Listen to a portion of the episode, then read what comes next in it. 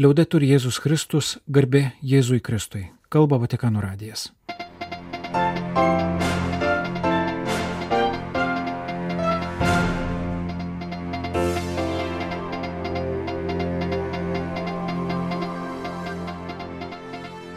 Malonus klausytojai šioje programoje. Popiežius priemė kovos su nepilnamečių išnaudojimu ekspertus iš Latino Amerikos. Pagerbė Velionio, buvusio Italijos prezidento atminimą, sveikino ekumeninį susitikimą istorinėje Vengrijos abatijoje. Laidos pabaigoje Pranciškaus kelionės iš Marselio interviu.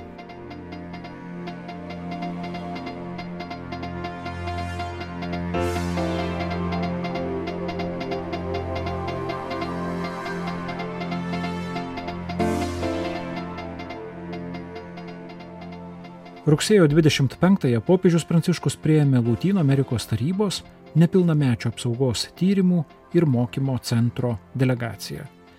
Šis centras prieš keletą metų buvo įsteigtas Meksiko popiežiškajame universitete, o šiandien jo ekspertai, psichologai ir teisininkai teikia rekomendacijas, kaip kovoti su išnaudojimo problema visose Latino Amerikos šalise. Žinau, kad stengiatės dirbti ir taikyti vis tinkamesnius metodus, kad pašalintumėte piknaudžiavimo rykštę tiek bažnyčioje, tiek pasaulyje. Negalime pamiršti, išnaudojimai palietę bažnyčią yra tik maža dalis tos liūdnos tikrovės, kurie apima visą žmoniją ir kuriai reikia pabrėžti neskiriamą pakankamai dėmesio, pažymėjo popiežius Pranciškus. Manau, kad galiu pasakyti, jog bažnyčia eidama prevencijos keliu padarė gerą pažangą ir nesustos. Daug nuopelnų galima priskirti tokioms pastangoms, kokias rodote jūs, Dėkoju Jums už šį darbą. Taip pat būtina, kad tai būtų prasmingas darbas visuomenės atžvilgių, kad bažnyčios žingsniai ir pasiekimai šiame kelyje taptų paskata kitoms institucijoms skatinti rūpinimosi kultūrą, kalbėjo šventasis tėvas. Popiežius taip pat priminė evangelinį viešpaties susitapatinimą su mažais ir kenčiančiais. Šią perspektyvą reikia išlaikyti ir kovoje su nepilnamečių išnaudojimu. Kalbame ne vien apie saugios aplinkos protokolus Mūsų kenčiamas arba sukeltas skausmas įsirėžia ir į išganytojo veidą.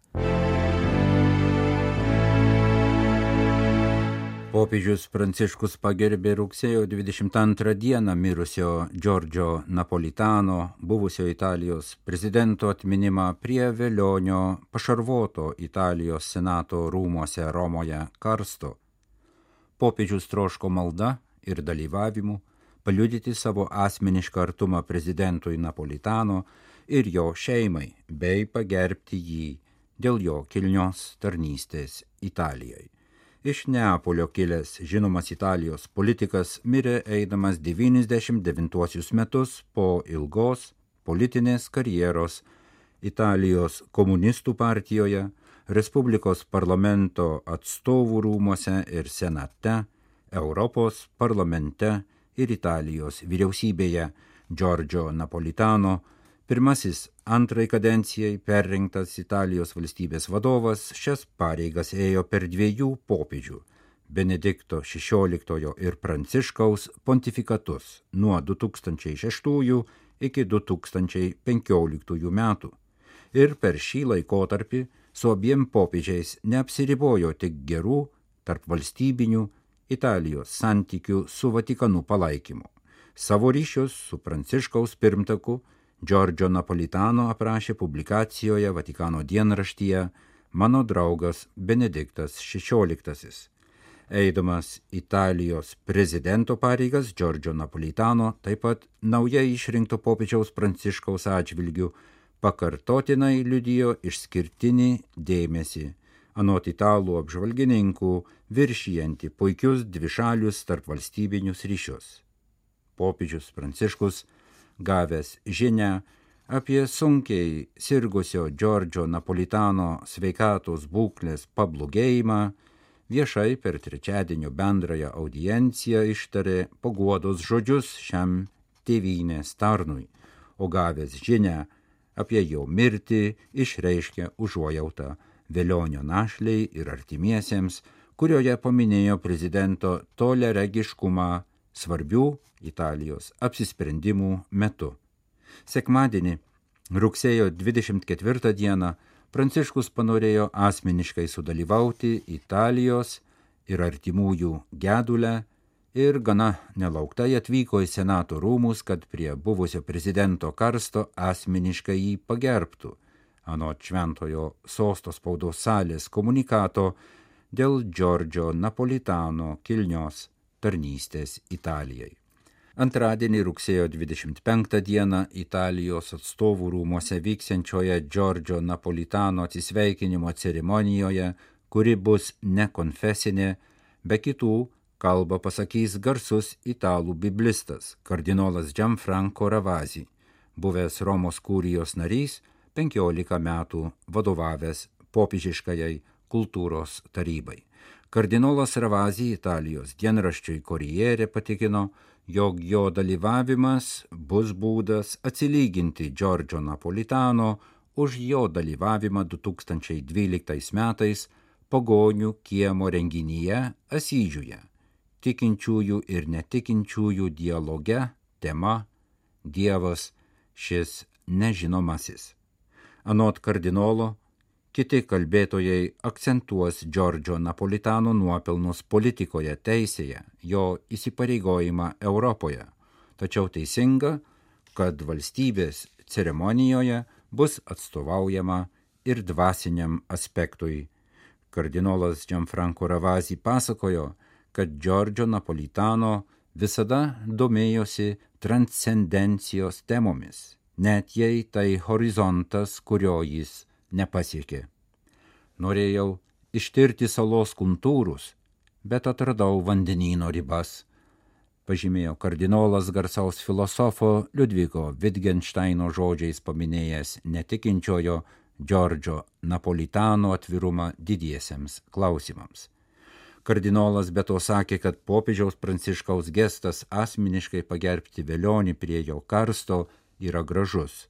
Pranciškus paliudijo ne tik institucinę pagarbą, bet ir pagarbą žmogui, kuris visada išlaikė savyje moralinę dimenciją ir atvirumą viskam, kas slypi už paviršiaus apraiškų. Kardinolas Ravazijai paragino nepamiršti, kad Kristus nedvėjodamas ėjo į labai pasaulietinę aplinką. Anot jo, tai krikščionybės stiprybė neužsidaryti savo aptvertame sode, o klausytis, kas anapus, ir klausytis kito, kuris tavęs klauso.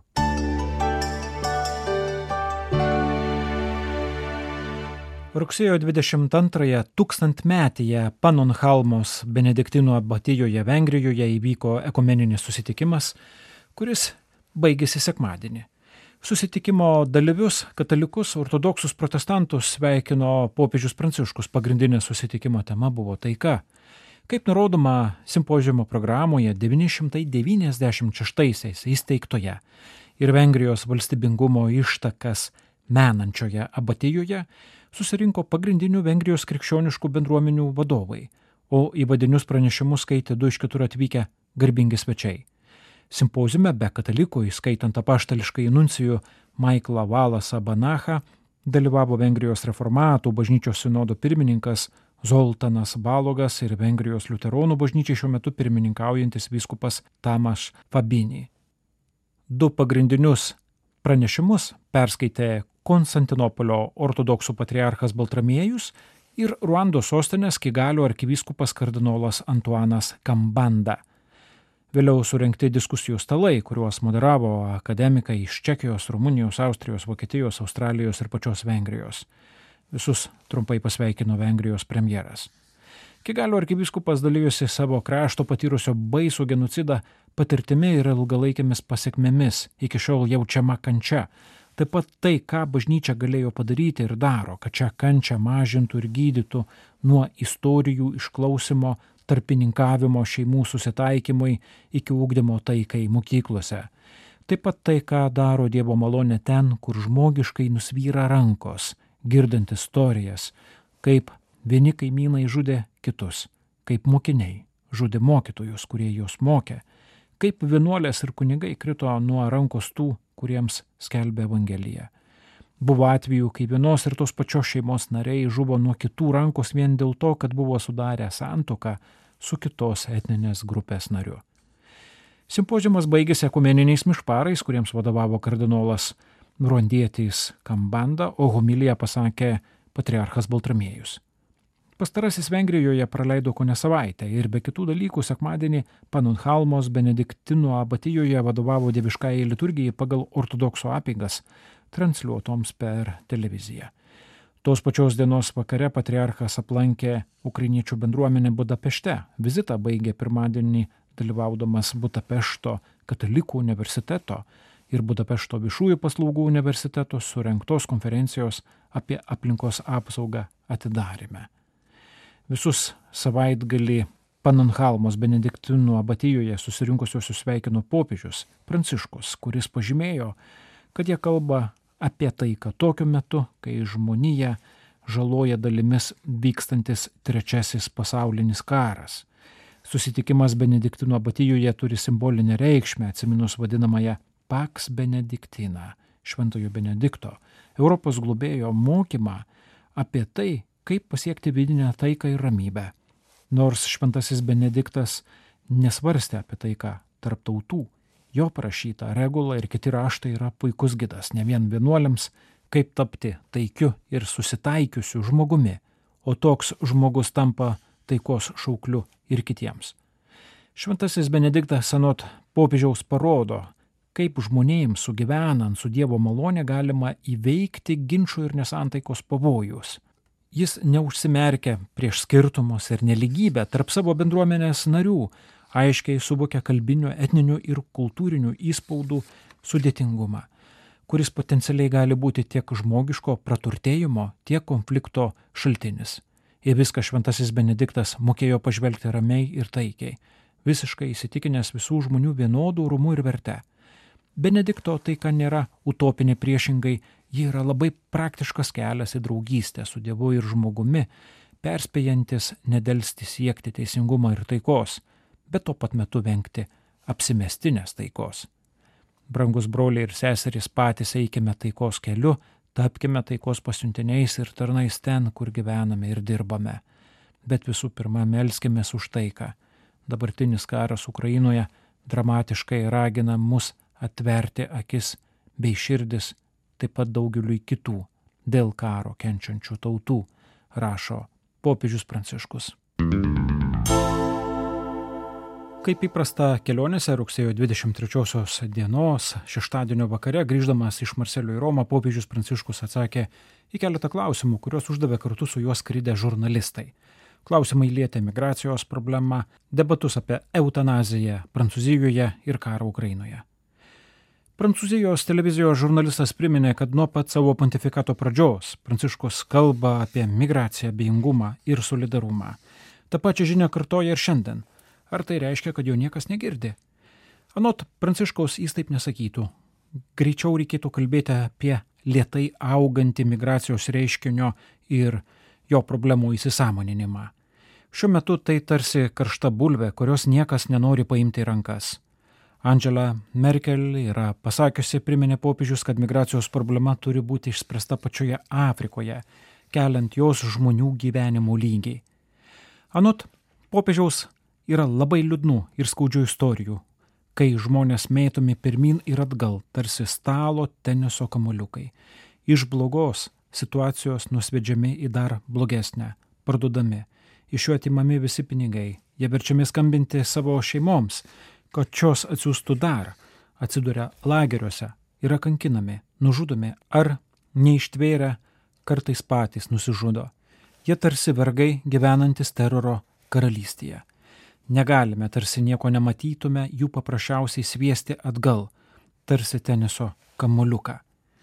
Juos reikia priimti, palidėti, remti, integruoti. Jei to negalima padaryti, reikia padėti jų pačių šalise tačiau nepalikti žiaurių prekeivių žmonėmis rankose. Tai baisios istorijos, sakė popiežius, pridūręs, jogi netrukus prasidėsinti viskupų sinodą pakvietė vienos migrantus gelbėjančios organizacijos atstovus, gerai žinančius šias istorijas. Verta paskaityti knygą Hermanito. Šios dramos dažnai mūsų nepasiekia arba pasiekia pasaldintos, daug ką nutyli. Bet mums, anot pranciškaus, naudinga šias dramas pažinti. Tapsime labiau žmoniškesni, tad ir dieviškesni. Atgims paskata, darykime kažką. Samoningumas keičiasi, jo daugiau, žmonės apie tai supranta daugiau, pažymė Pranciškus. Kitas prancūzų žurnalistas priminė, jog šiuo metu Prancūzijos vyriausybė svarsto ir rengiasi priimti kontroversišką įstatymą apie gyvenimo pabaigą. Marselėje popiežius išreiškė nepritarimą eutanazijai. Ar apie tai kalbėta susitikime su prezidentu Emanueliu Makronu? Marselėje atsakė Pranciškus, su Prancūzijos vadovu jis apie tai nekalbėjo, tačiau labai aiškiai tai pabrėžė ankstesnėme susitikime Vatikane negalima žaisti su gyvybe, jos pradžioje ar pabaigoje. Nes tai atves prie visuotinės nuskausminančios politikos, prie humanistinės eutanazijos, kuri toleregiškai aprašyta dar 1907 m. romane Pasaulio valdovas. Šiandien ideologinios kolonizacijos greuna žmogišką gyvenimą, trina senelių gyvenimus, nors anūkų dialogas su seneliais yra žmogiško praturtėjimo kelias. Negalima žaisti ir liesti gyvybės eutanazijos įstatymais gyvenimo pabaigoje ar senatvėje, arba vaikui motinos iššiose neleidžiančiais užaukti įstatymais. Tai bjaurios užuojautos formos. Tai galiausiai netikėjimo, bet žmogiškumo klausimas. Taip pat ir mokslas gali palengvinti skausmingą lygą, pridūrė popiežius. Ispanų žurnalistas pasiteiravo apie kardinolo Matėjo Dzupį misiją, apie vaikų sugražinimą ir kitas su Ukraina susijusias temas. Ar popiežius asmeniškai nejaučia frustracijos, klausė jis. Taip, jos šiek tiek yra, pripažino Pranciškus, bet valstybės sekretoriatas daro, ką gali, vaikų sugražinimo klausimas yra sprendžiamas gerai. Tuo tarpu karas tęsiasi, o jo auka yra Ukraina, Ukrainų žmonės. Ukrainiečių tauta yra kankinių tauta, turinti labai skaudžią, kančių kupiną istoriją. Dabar ne pirmas kartas. Stalino laikais įkentėjo daug, labai daug tai iškankinta tauta. Tačiau negalima žaisti su šios tautos kankinystė, mes turime padėti išspręsti dalykus, kiek tai įmanoma ir realu. Kare realu tai, kas įmanoma. Neturėkime iliuzijų, kad rytoj dviejų kariaujančių šalių lyderiai kartu eis valgyti, bet darykime nuolankiai, kas įmanoma, sakė popiežius, priminęs, jog prieš keletą mėnesių jam buvo pasakojama, kad šiuo metu pelningiausia investuoti ginklų fabrikus į mirties fabrikus karas apima ir prekybos ginklais interesą, o Ukrainos tauta visame tame yra kankiniai. Interviu popiežius Pranciškus užbaigė dar keliomis mintimis apie ką tik pasibaigusią kelionę Marselėje, kuriame sugyvena daug kultūrų - musulmonai, žydai, krikščionis. Kūrybinga Marselio, Ostamišio, sambuvio ir susitikimo kultūra yra žinia visai Europai. Marselis priima, gerbė, sulieja, neneigdamas tapatybės. Gerai valdoma migracija yra didelis turtas. Europai reikia migrantų, reikia darbo rankų. Yra penkios šalis, kurios labiausiai kenčia nuo didelio migrantų skaičiaus atvykimo, bet kai kuriuose iš jų kaimeliai tušti. Reikia stengtis integruoti, reikia galvoti apie migracijos politiką, kuri būtų vaisinga ir padėtų.